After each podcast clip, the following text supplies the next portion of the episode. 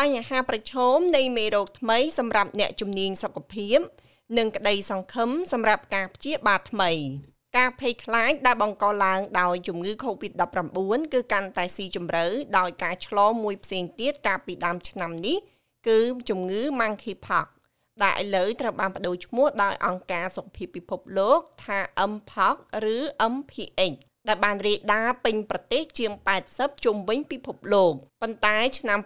2022មានដំណឹងល្អមួយចំនួនផងដែរ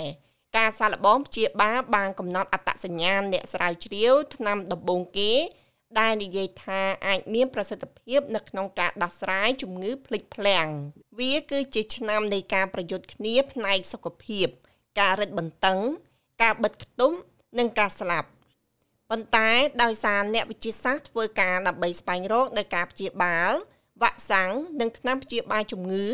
អនាគតកាន់តែភ្លឺស្វាងសម្រាប់អ្នកមានជំងឺហើយសម្រាប់អ្នកដែលមានការភ័យខ្លាចនិងការប្រឈមមុខ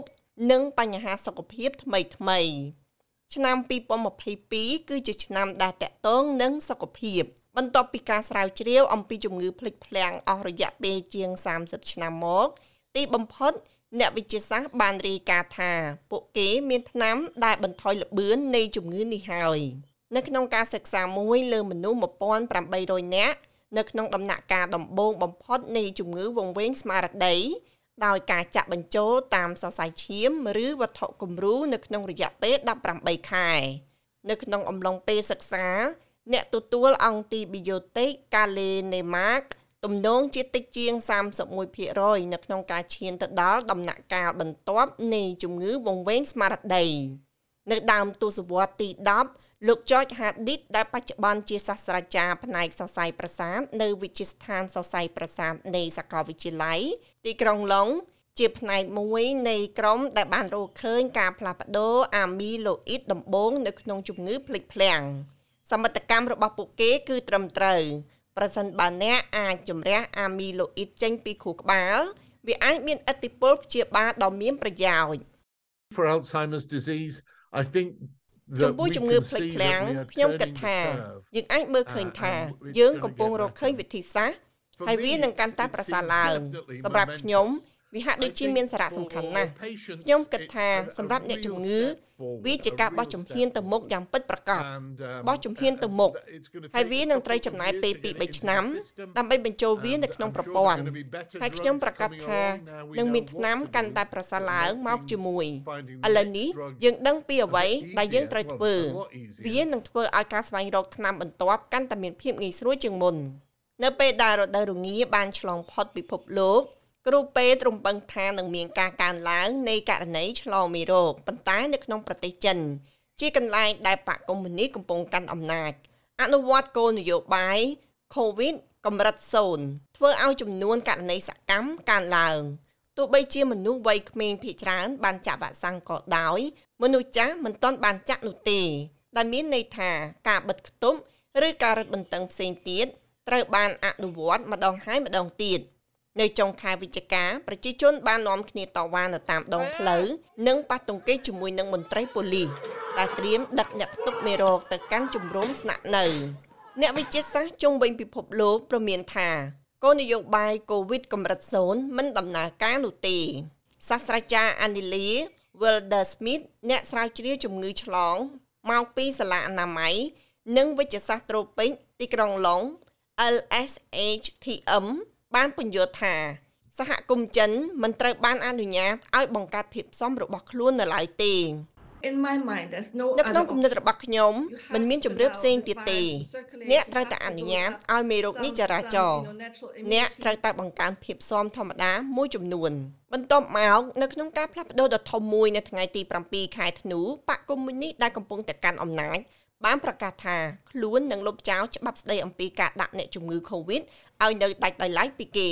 ហើយពួកគេបានទម្លាក់ចោលនៅលក្ខខណ្ឌតម្រូវឲ្យធ្វើតេស្តសម្រាប់កន្លែងសាធារណៈមួយចំនួនការផ្លាស់ប្ដូរយុទ្ធសាស្ត្រដែលបានបង្ខាំងមនុស្សរាប់លាននាក់ឲ្យនៅផ្ទះរបស់ពួកគេចាប់តាំងពីឆ្នាំ2019រដូវក្តៅដ៏កក់ក្តៅមួយនៅអឺរ៉ុបបានរកឃើញថាមនុស្សចេញតាមដងផ្លូវ និងកន្លែងកំសាន្តដែលពួកគេខកខានក្នុងអំឡុងពេលនៃការរឹតបន្តឹងនៃជំងឺរាតត្បាតប៉ុន្តែវាក៏ឃើញមានការកើនឡើងនៃជំងឺ Covid ប្រភេទថ្មីផងដែរវាត្រូវបានគេស្គាល់ថា BA.5 វាគឺជាប្រភេទមួយចុងក្រោយបំផុតនៃត្រកូលអូមីក្រុងនៅដំណាក់កាលមួយនៅក្នុងខែកក្កដាអង្គការសុខភាពពិភពលោកបានប្រមានថាករណីឆ្លងនៃមេរោគបានកើនឡើង3ដងនៅទូទាំងទ្វីបអឺរ៉ុប ហើយមានចំនួនជិតពាក់កណ្ដាលនៃការឆ្លងទាំងអស់នៅទូទាំងពិភពលោកនៅពេលដែលផ្នែកខ្លះនៃទ្វីបអឺរ៉ុបបានចាប់ផ្ដើមបន្ធូរបន្ថយវិធានការបិទខ្ទប់នៅក្នុងរដូវក្តៅនៃឆ្នាំ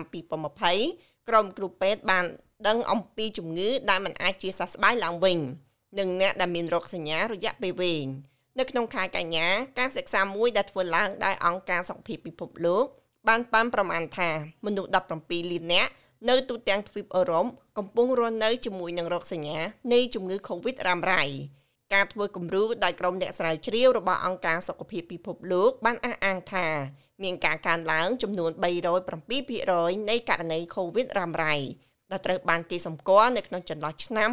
2020និងឆ្នាំ2021 លោកវិជ្ជបណ្ឌិត Catherine Smallwood មកពីការិយាល័យអឺរ៉ុបរបស់អង្គការសុខភាពពិភពលោកនិយាយថាវាគឺជារឿងសំខាន់ដែលវិជ្ជបណ្ឌិតនិងសេវាសុខភាពនៅជុំវិញពិភពលោកទទួលស្គាល់នៅអ្វីដែលអ្នកជំងឺប្រាប់ពួកគេហើយការព្យាបាលត្រូវតែរកឲ្យឃើញនេះគឺជាជំងឺពិតវាត្រូវតែទទួលស្គាល់ហើយត្រូវតែព្យាបាលលទ្ធផលមួយទៀតនៃជំងឺរាតត្បាតនេះ បើយោងតាមការសិក្សាពីរដែលបានធ្វើឡើងនៅក្នុងឆ្នាំ2022គឺការកើនឡើងនៃការទទួលទានគ្រឿងស្រវឹងការសិក្សាចំនួន2ដែលធ្វើឡើងដោយសេវាសុខភាពជាតិរបស់អង់គ្លេសបានរកឃើញថាមនុស្សផឹកស្រាច្រើននៅក្នុងអំឡុងពេលនៃជំងឺរាតត្បាតហើយក៏បន្តផឹកបន្ទាប់ពីជំងឺរាតត្បាតដោយដែលប្រជាជនកំពុងទន្ទឹងរង់ចាំពិធីបុណ្យរដូវក្តៅក្នុងឆ្នាំ2022បែរជាមានករណីលេចចេញនៅមេរោគផ្សេងទៀតដែលរាលដាលនៅក្នុងផ្នែកខ្លះនៃទ្វីបអាហ្វ្រិក។ ប៉ុន្តែមិនមានការរីករាលដាលនៅក្រៅប្រទេសនោះទេ Monkeypox ដោយដែលគេបានដឹងហើយថាអាចសម្គាល់បានដោយមានកន្ទួលនៅលើស្បែកដែលចាប់ផ្ដើមដោយមានកន្ទួលបុគ្គលិកសុខាភិបាលសាធារណៈបានបញ្យល់ថាមេរោគកំពុងរីករាលដាលតាមរយៈការប៉ះពាល់ស្បែកនិងស្បែកយ៉ាងជិតស្និទ្ធរយៈពេលយូរក៏ដូចជាការគេងនៅលើគ្រែជាមួយគ្នាប្រើកន្សែងរួមគ្នានិងសម្លៀកបំពាក់ជាមួយគ្នាជាដើម សាស្ត្រាចារ្យ Lauren Yang មកពីសាកលវិទ្យាល័យ Warwick Medical School គឺជាអ្នកឯកទេសផ្នែកជំងឺឆ្លងជាច្រើនដែលមានទំនុកចិត្តថាវានឹងអាចទៅរួច My feeling is that អារម្មណ៍របស់ខ្ញុំគឺថានេះគឺជាអ្វីដែលមាននៅក្នុងចំនួនប្រជាជនកម្រិតទាបរយៈពេលជាយូរមកហើយហើយយើងទៅតែឃើញកម្រិតនៃការឆ្លងកើតឡើង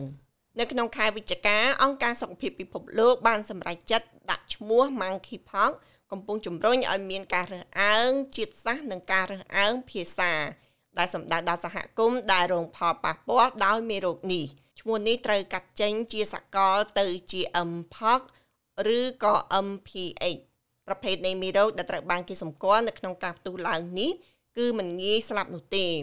វាគឺជាធម្មតាអ្នកជំងឺជាសះស្បើយនៅក្នុងរយៈពេលប្រហែលសប្តាហ៍ក្រោយមក គិតត្រឹមដំណាច់ខែកក្កដាការផ្ទុះឡើងនៃជំងឺ Monkeypox ជាសកលបានកើនឡើង មានជាង22,000ករណីនៅក្នុងប្រទេសជាង80 MPH និង COVID-19 បានបង្កើនការយល់ដឹងជុំវិញពិភពលោក អំពីជំងឺ zoonotic ដែលឆ្លងរវាងសត្វនិងមនុស្ស ជាងពាក់កណ្ដាលនៃការឆ្លងរបស់អ្នកជំងឺទាំងអស់ដូចជាជំងឺគ្រុនចាញ់អេបូឡានិងជំងឺសាមានប្រភពដើមពីធម្មជាតិនេះបើយោងតាមមជ្ឈមណ្ឌលគ្រប់គ្រងជំងឺរបស់សហរដ្ឋអាមេរិកអ្នកវិទ្យាសាស្ត្រនៃជំងឺ zoonotic មួយរូបនៅតែព្យាយាមលុបបំបាត់ជំងឺគ្រុនចាញ់ខែកញ្ញាបាននាំមកនៅខ្យល់មូសុងបំបីកំណត់ត្រាំមួយនៅប៉ាគីស្ថាន ដែលធ្វើឲ្យក្រុមអ្នកផ្ដល់ជំនួយធ្វើការផ្ដល់ជំនួយមនុស្សរាប់សែននាក់ត្រូវបានជំនះចេញ ដោយសារផ្ទះរបស់ពួកគេលិចលង់ហើយផ្នែកមួយចំនួនធំនៃប្រទេសនេះស្ថិតនៅក្នុងភាពលិចលង់មន្ត្រីសុខាភិបាលប៉ាគីស្ថាន បានរាយការណ៍ពីការផ្ទុះឡើងនៃជំងឺឆ្លងតាមទឹកដូចជាជំងឺគ្រុនចាញ់និងគ្រុនឈាមដែលធ្វើឲ្យអ្នកស្លាប់កើតឡើងកុមារនៅទីនោះមានជំងឺរលាកក្រពះនិងរាគផងដែរយោងតាមរបាយការណ៍ជំងឺគ្រុនចាញ់លើពិភពលោកដែលចេញផ្សាយនៅថ្ងៃទី8ខែធ្នូមនុស្សចំនួន619,000នាក់ បានបាត់បង់ជីវិតដោយសារតែជំងឺគ្រុនចាញ់នៅក្នុងឆ្នាំ2021លើសពីកម្រិតនៅក្នុងឆ្នាំ2019ដែលមានអ្នកស្លាប់តែចំនួន568,000នាក់នៅឆ្នាំនេះអ្នកវិទ្យាសាស្ត្របានបង្កើតកម្មវិធីបន្ថែមទៀតនៅក្នុងការកែប្រែហ្សែនមូសដើម្បីកុំឲ្យវាឆ្លងមេរោគនៅប្រទេសអូស្ត្រាលីការសិក្សាមួយបានរកឃើញថាអ្នកដែលមានជំងឺដាច់សរសៃឈាមខួរក្បាលឆ្លើយតបល្អប្រសើរចំពោះការព្យាបាលមួយចំនួន អាស្រ័យលើជនជាតិរបស់ពួកគេការស្រាវជ្រាវជាសកលពាក់ព័ន្ធទៅនឹងក្រុមមួយនៅទីក្រុងមែលប៊នហើយអាចជួយបង្កើតគោលការណ៍ណែនាំអន្តរជាតិស្ដីអំពីការព្យាបាលអ្នកជំងឺដាច់សរសៃឈាមខួរក្បាលជំងឺដាច់សរសៃឈាមខួរក្បាលកើតឡើងនៅពេលដែលលំហូរឈាមទៅកាន់ខួរក្បាលត្រូវបានកកស្ទះដោយកំណកឈាមការប្រើប្រាស់ការព្យាបាលរួមបញ្ចូលគ្នាថ្នាំធ្វើឲ្យឈាមស្ដើងនិងការវះកាត់ គឺជាការផ្ដោតអារម្មណ៍នៃការសិក្សាអន្តរជាតិលើជំងឺ300នាក់មកពីនូវែលសេឡង់អូស្ត្រាលីចិននិងវៀតណាម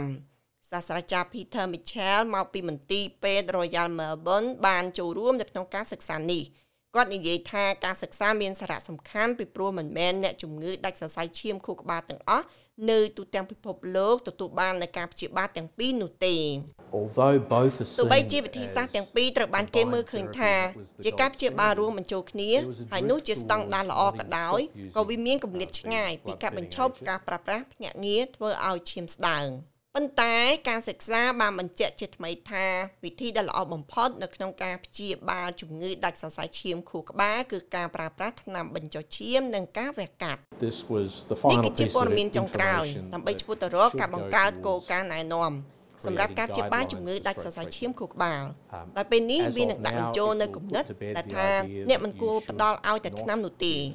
អ្នកគួរតែផ្ដល់ឲ្យទាំងការព្យាបាលហើយវានឹងក្លាយទៅជាគោលការណ៍ណែនាំដែលយើងរំពឹងទុកពីប្រទេសអូស្ត្រាលីផងដែរការព្យាបាលថ្មីសម្រាប់ជំងឺរលាកពោះវៀនគឺនឹងមាននៅក្នុងពេលអនាគតអ្នកវិទ្យាសាស្ត្ររបស់អូស្ត្រាលីដែលបានកំណត់អត្តសញ្ញាណបាក់តេរីដែលជាប់តាក់ទងនឹងជំងឺនេះ ឥឡូវកំពុងបង្វែរការស្រាវជ្រាវរបស់គាត់ទៅជាការរកការវិវត្តនៃការព្យាបាលសម្រាប់ជំងឺខ្សោយនេះពេលកើតជំងឺរលាកពោះវៀនអូស្ត្រាលីបង្កើនខ្យល់ដកដង្ហើមដោយប្រើបាក់តេរីល្អដើម្បីប្រឆាំងនឹងបាក់តេរីអាក្រក់រៀងរាល់8សប្តាហ៍ម៉ារីសាខូនីងលីអូនីទៅមន្ទីរពេទ្យដើម្បីទទួលថ្នាំចាក់បញ្ចូលតាមសរសៃឈាមនៅក្នុងការរក្សារោគសញ្ញានៃជំងឺរលាកពោះវៀនធំរបស់នាង វាគឺជាជំងឺដែលនាងរស់នៅ ជាមួយតាំងពីអាយុ11ឆ្នាំហើយបើទោះបីជានាងមានសតិធិនិយមខ្លាំងក៏ដោយក៏នាងនិយាយថាវាត្រូវការពេលវេលា I couldn't ខ្ញុំ study មិន what អាច I ទៅ wanted រៀន to អ្វី do ដែលខ្ញុំ because I ចង់រៀន wasn't បាន in នោះ school ទេ enough. ដោយសារខ្ញុំទៅសាលាមិនបាន um, គ្រប់ for my គ្រាន់ time. I ដោយ can't សារតែ travel ពេលសម្រាប់ខ្ញុំ much មិន as I អាចធ្វើ want ដំណើរ to តាមអ្វី because ដែល it's ខ្ញុំ always ច in ង់ the back បាន of your mind. ព្រោះតែងតែគិត I'm នៅ gonna ក្នុង get ចិត្ត sick or ថា flare up. ថាតើខ្ញុំទៅសាលាដើម្បីឲ្យឈឺខ្លាំងមែនទេ ជំងឺនេះបណ្ដាលឲ្យរលាកនិងដំបៅនៅក្នុងពោះវៀនធំដែលនាំឲ្យឈឺធ្ងន់ធ្ងរនិងរាគរូសមានឈាមហើយដូចជាជំងឺរលាកពោះវៀនទូទៅបំផុតផ្សេងទៀតវាគឺជាការធ្វើរោគវិនិច្ឆ័យអំពីការផ្លាស់ប្ដូរជីវិត វិជ្ជបណ្ឌិត Adgil ជាគ្រូពេទ្យឯកទេសខាងក្រពះពោះវៀនកុមារម្នាក់និយាយថាវាតកតងទៅនឹងការសម្រាលកូនញឹកញាប់ពេក You know, many patients that I look អ្នក after ជំ are ងឺជា affected ច្រើន when ដែល they're ខ្ញុំ growing មើល and ថែ developing. ទាំ It ត្រូវ can បាន affect ប៉ះ their ពាល់នៅ puberty, ពេលដែល affect ពួក their គេកំពុងលូត education, លាស់ and និងរីក potentially ចម្ their រើន future វាអាច career ប៉ះពាល់ prospects. ដល់ភាព And ពេញ it's វ័យ increasing all around ការ the អប់រំ world របស់ for ពួក reasons គេ that we និង don't សក្តានុ fully ពលនៃ understand. អាជីពនាពេលអនាគតរបស់ពួកគេហើយការកើនឡើងរបស់វានៅជុំវិញពិភពលោកដោយហេតុផលដែលយើងមិនយល់ គាត់និយាយថាការព្យាបាលបច្ចុប្បន្នដូចជាថ្នាំស្តេរ៉ូអ៊ីននិងថ្នាំដែលកំណត់គោលដៅនៃប្រព័ន្ធភាពស៊ាំអាចមានផលប៉ះពាល់និងបាត់បង់ប្រសិទ្ធភាពតាមពេលវេលា វាគឺជាដំណោះស្រាយរយៈពេលវែងដែលវិជ្ជបណ្ឌិត Samuel Foster មកពីវិទ្យាស្ថានស្រាវជ្រាវវេជ្ជសាស្ត្រ Hudson កំពុងព្យាយាមអភិវឌ្ឍគាត់កំពុងប្រើប្រាស់ថ្នាំដែលមានមូលដ្ឋានលើមីក្រុងជីវមៈ ដែលមានន័យថាប្រើបាតេរីល្អដើម្បីប្រឆាំងនៅបាតេរីអាក្រក់នៅក្នុងពោះវៀន It's just like picking up bacteria វា as ដូច you ជា would ការ in រើស your daily បាក់ life, តេរី but នៅ we're ក្នុងជី controlling វិត which ប្រចាំថ្ងៃ bacteria របស់ you're យើង receiving ប៉ុន្តែយើង in កំពុង such a គ្រប់ way គ្រង that we reduce ថា the តើបាក់តេរី chance of ណា getting ដែលកំពុងតែ flare ទទួលបាន events វិ and ធី all of ផ្សេង the ផ្សេងៗ subsequent អាចកាត់បន្ conditions. ថយឱកាសនៃការផ្ទុះឡើងវិញនៅមេរោគទាំងនេះនិងលក្ខខណ្ឌជាបន្តបន្ទាប់ផ្សេងទៀតជំងឺរលាកពោះវៀនប៉ះពាល់ដល់ជនជាតិអូស្ត្រាលីប្រហែល1សែន30000នាក់ វាមិនអាចព្យាបាលបានទេហើយមូលហេតុរបស់វានៅមិនទាន់ដឹងនៅឡើយលោកវិជ្ជបណ្ឌិត Foster សង្ឃឹមថាតាមរយៈការកំណត់អត្តសញ្ញាណបាក់តេរីនៅពីក្រោយរោគសញ្ញាការព្យាបាលប្រកបដោយសុវត្ថិភាពប្រសិទ្ធភាពនិងគោលដៅសម្រាប់ជំងឺនេះអាចត្រូវបានគេបង្កើតឡើង What we're trying to do is អ្វី say ដែលយើងកំពុង actually ព្យា there's យា a មធ្វើគឺ specific ថាតាម bacterial ពិតមានស composition មាសធាតុ that បាក់ will តេ be រីជាក់ beneficial លាក់ for this ដែលនឹង particular ល្អ group of សម្រាប់ patients. ក្រុមអ្នកជំងឺនេះប្រទេសអូស្ត្រាលីក៏បានចូលរួមយ៉ាងសកម្មនៅក្នុងការស្រាវជ្រាវអំពីជំងឺ autism ដោយបានរកឃើញថា cannabis ជួយបន្ថយរោគសញ្ញាសម្រាប់អ្នកដែលមានជំងឺ autism ជនជាតិអូស្ត្រាលីម្នាក់នៅក្នុងចំណោម150នាក់ត្រូវបានគេធ្វើរកវិនិច្ឆ័យថាមានជំងឺ autism វិជ្ជបណ្ឌិត James Bees មកពីមហាវិទ្យាល័យ Royal Australian នៃអ្នកអនុវត្តទូទៅនិយាយថាវាគឺជាពាក្យទូលំទូលាយដែលប្រើសម្រាប់ពណ៌នាអំពីលក្ខខណ្ឌជាក់លាក់ដែលមនុស្សម្នាក់អាចធ្វើបាន Those main characteristics are លក្ខខណ្ឌសំខាន់សំខាន់ទាំងនេះគឺត្រូវមានបញ្ហាប្រឈមនៅក្នុងវិធីដែលតកតងគ្នានៅក្នុងសង្គមនិងវិធីដែលអ្នកប្រស្រ័យតកតងគ្នានឹងគ្នាហើយក៏មានចំណាប់អារម្មណ៍ទេឬក៏កម្រិតនៃការចាប់អារម្មណ៍ដ៏តានតឹងហើយជារឿយៗត្រូវបានផ្សារភ្ជាប់គ្នាជាមួយនឹងអារម្មណ៍ដែលឆាប់ប៉ះទង្គិច លោកវិជ្ជបណ្ឌិតមីឆាហ្វាហេជាប្រធានផ្នែកសរសៃប្រសាទកុមារនៅមជ្ឈមណ្ឌលវិទ្យាសាស្ត្រម៉ូណានៅក្នុងទីក្រុងមែលប៊នគាត់បានដឹកនាំការសិក្សាស្វែងរកថ្នាំកញ្ឆាជាការព្យាបាលកុមារចំនួន14នាក់បានចូលរួមនៅក្នុងការសិក្សារយៈពេល20សប្តាហ៍ So we did a phase 1 trial at Monash Children's យើង Hospital. បានធ្វើការសាកល្បងដំណាក់កាលទី1នៅមន្ទីរពេទ្យកុមារម៉ូណាស់ចំពោះកុមារដែលមានជំងឺ autism ហើយអ្វីដែលយើងបានរកឃើញគឺការព្យាបាលបានបង្ហាញអំពីភាពប្រសើរឡើងនៅទូទាំងតំបន់ជាច្រើនជាពិសេសរោគសញ្ញាដែលគួរឲ្យព្រួយបារម្ភនៃការតាក់ទងរវាងគ្នានឹងគ្នានិងទំនាក់ទំនងសង្គមការថប់អារម្មណ៍និងស្ថានភាពដ៏គ្រោះថ្នាក់ផ្សេងទៀត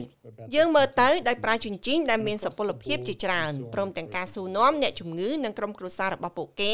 ពីអ្វីដែលធ្វើឲ្យពួកគេព្រួយបារម្ភបំផុតអំពីរោគសញ្ញារបស់ពួកគេនៅពេលនេះហើយនៅទូទាំងក្រុមប្រឹក្សា យើងបានឃើញការប្រសើរឡើងនៅក្នុងផ្នែកទាំងនេះវិជ្ជបណ្ឌិត Fahe និយាយថាការសិក្សាបន្ថែមទៀតគឺត្រូវការជាចាំបាច់ប៉ុន្តែនៅទីបំផុតកញ្ឆាអាចផ្ដល់ក្តីសង្ឃឹមដល់ឪពុកម្ដាយរបស់កុមារដែលមានជំងឺ autism ខណៈពេលដែលអ្នកស្រាវជ្រាវស្វែងយល់ពីរបៀបដែលវាដោះស្រាយបទពិសោធន៍ជំងឺ autism យ៉ាងមានប្រសិទ្ធភាព នៅក្នុងរយៈពេលតិចជាង2សប្តាហ៍ទៀតរហូតដល់ឆ្នាំ2023អ្នកវិទ្យាសាស្ត្រសង្ឃឹមថានឹងរកឃើញការព្យាបាលសម្រាប់ជំងឺផ្សេងផ្សេងៗហើយជាមួយនឹងការសិក្សានិងការស្រាវជ្រាវដែលបានធ្វើឡើងនៅជុំវិញពិភពលោកឆ្នាំថ្មីអាចនាំមកនូវការបញ្ចប់នៃជំងឺដែលឈានមុខគេមួយចំនួនរបស់ពិភពលោកនេះជាឆ្នាំនៃសុខភាពរបស់អ្នកអត្ថបទនេះរៀបចំដោយ SMI Galip និងប្រាយសម្រួលដោយនាងខ្ញុំឡៅដានីសម្រាប់ការផ្សាយរបស់ SBS ខ្មែរ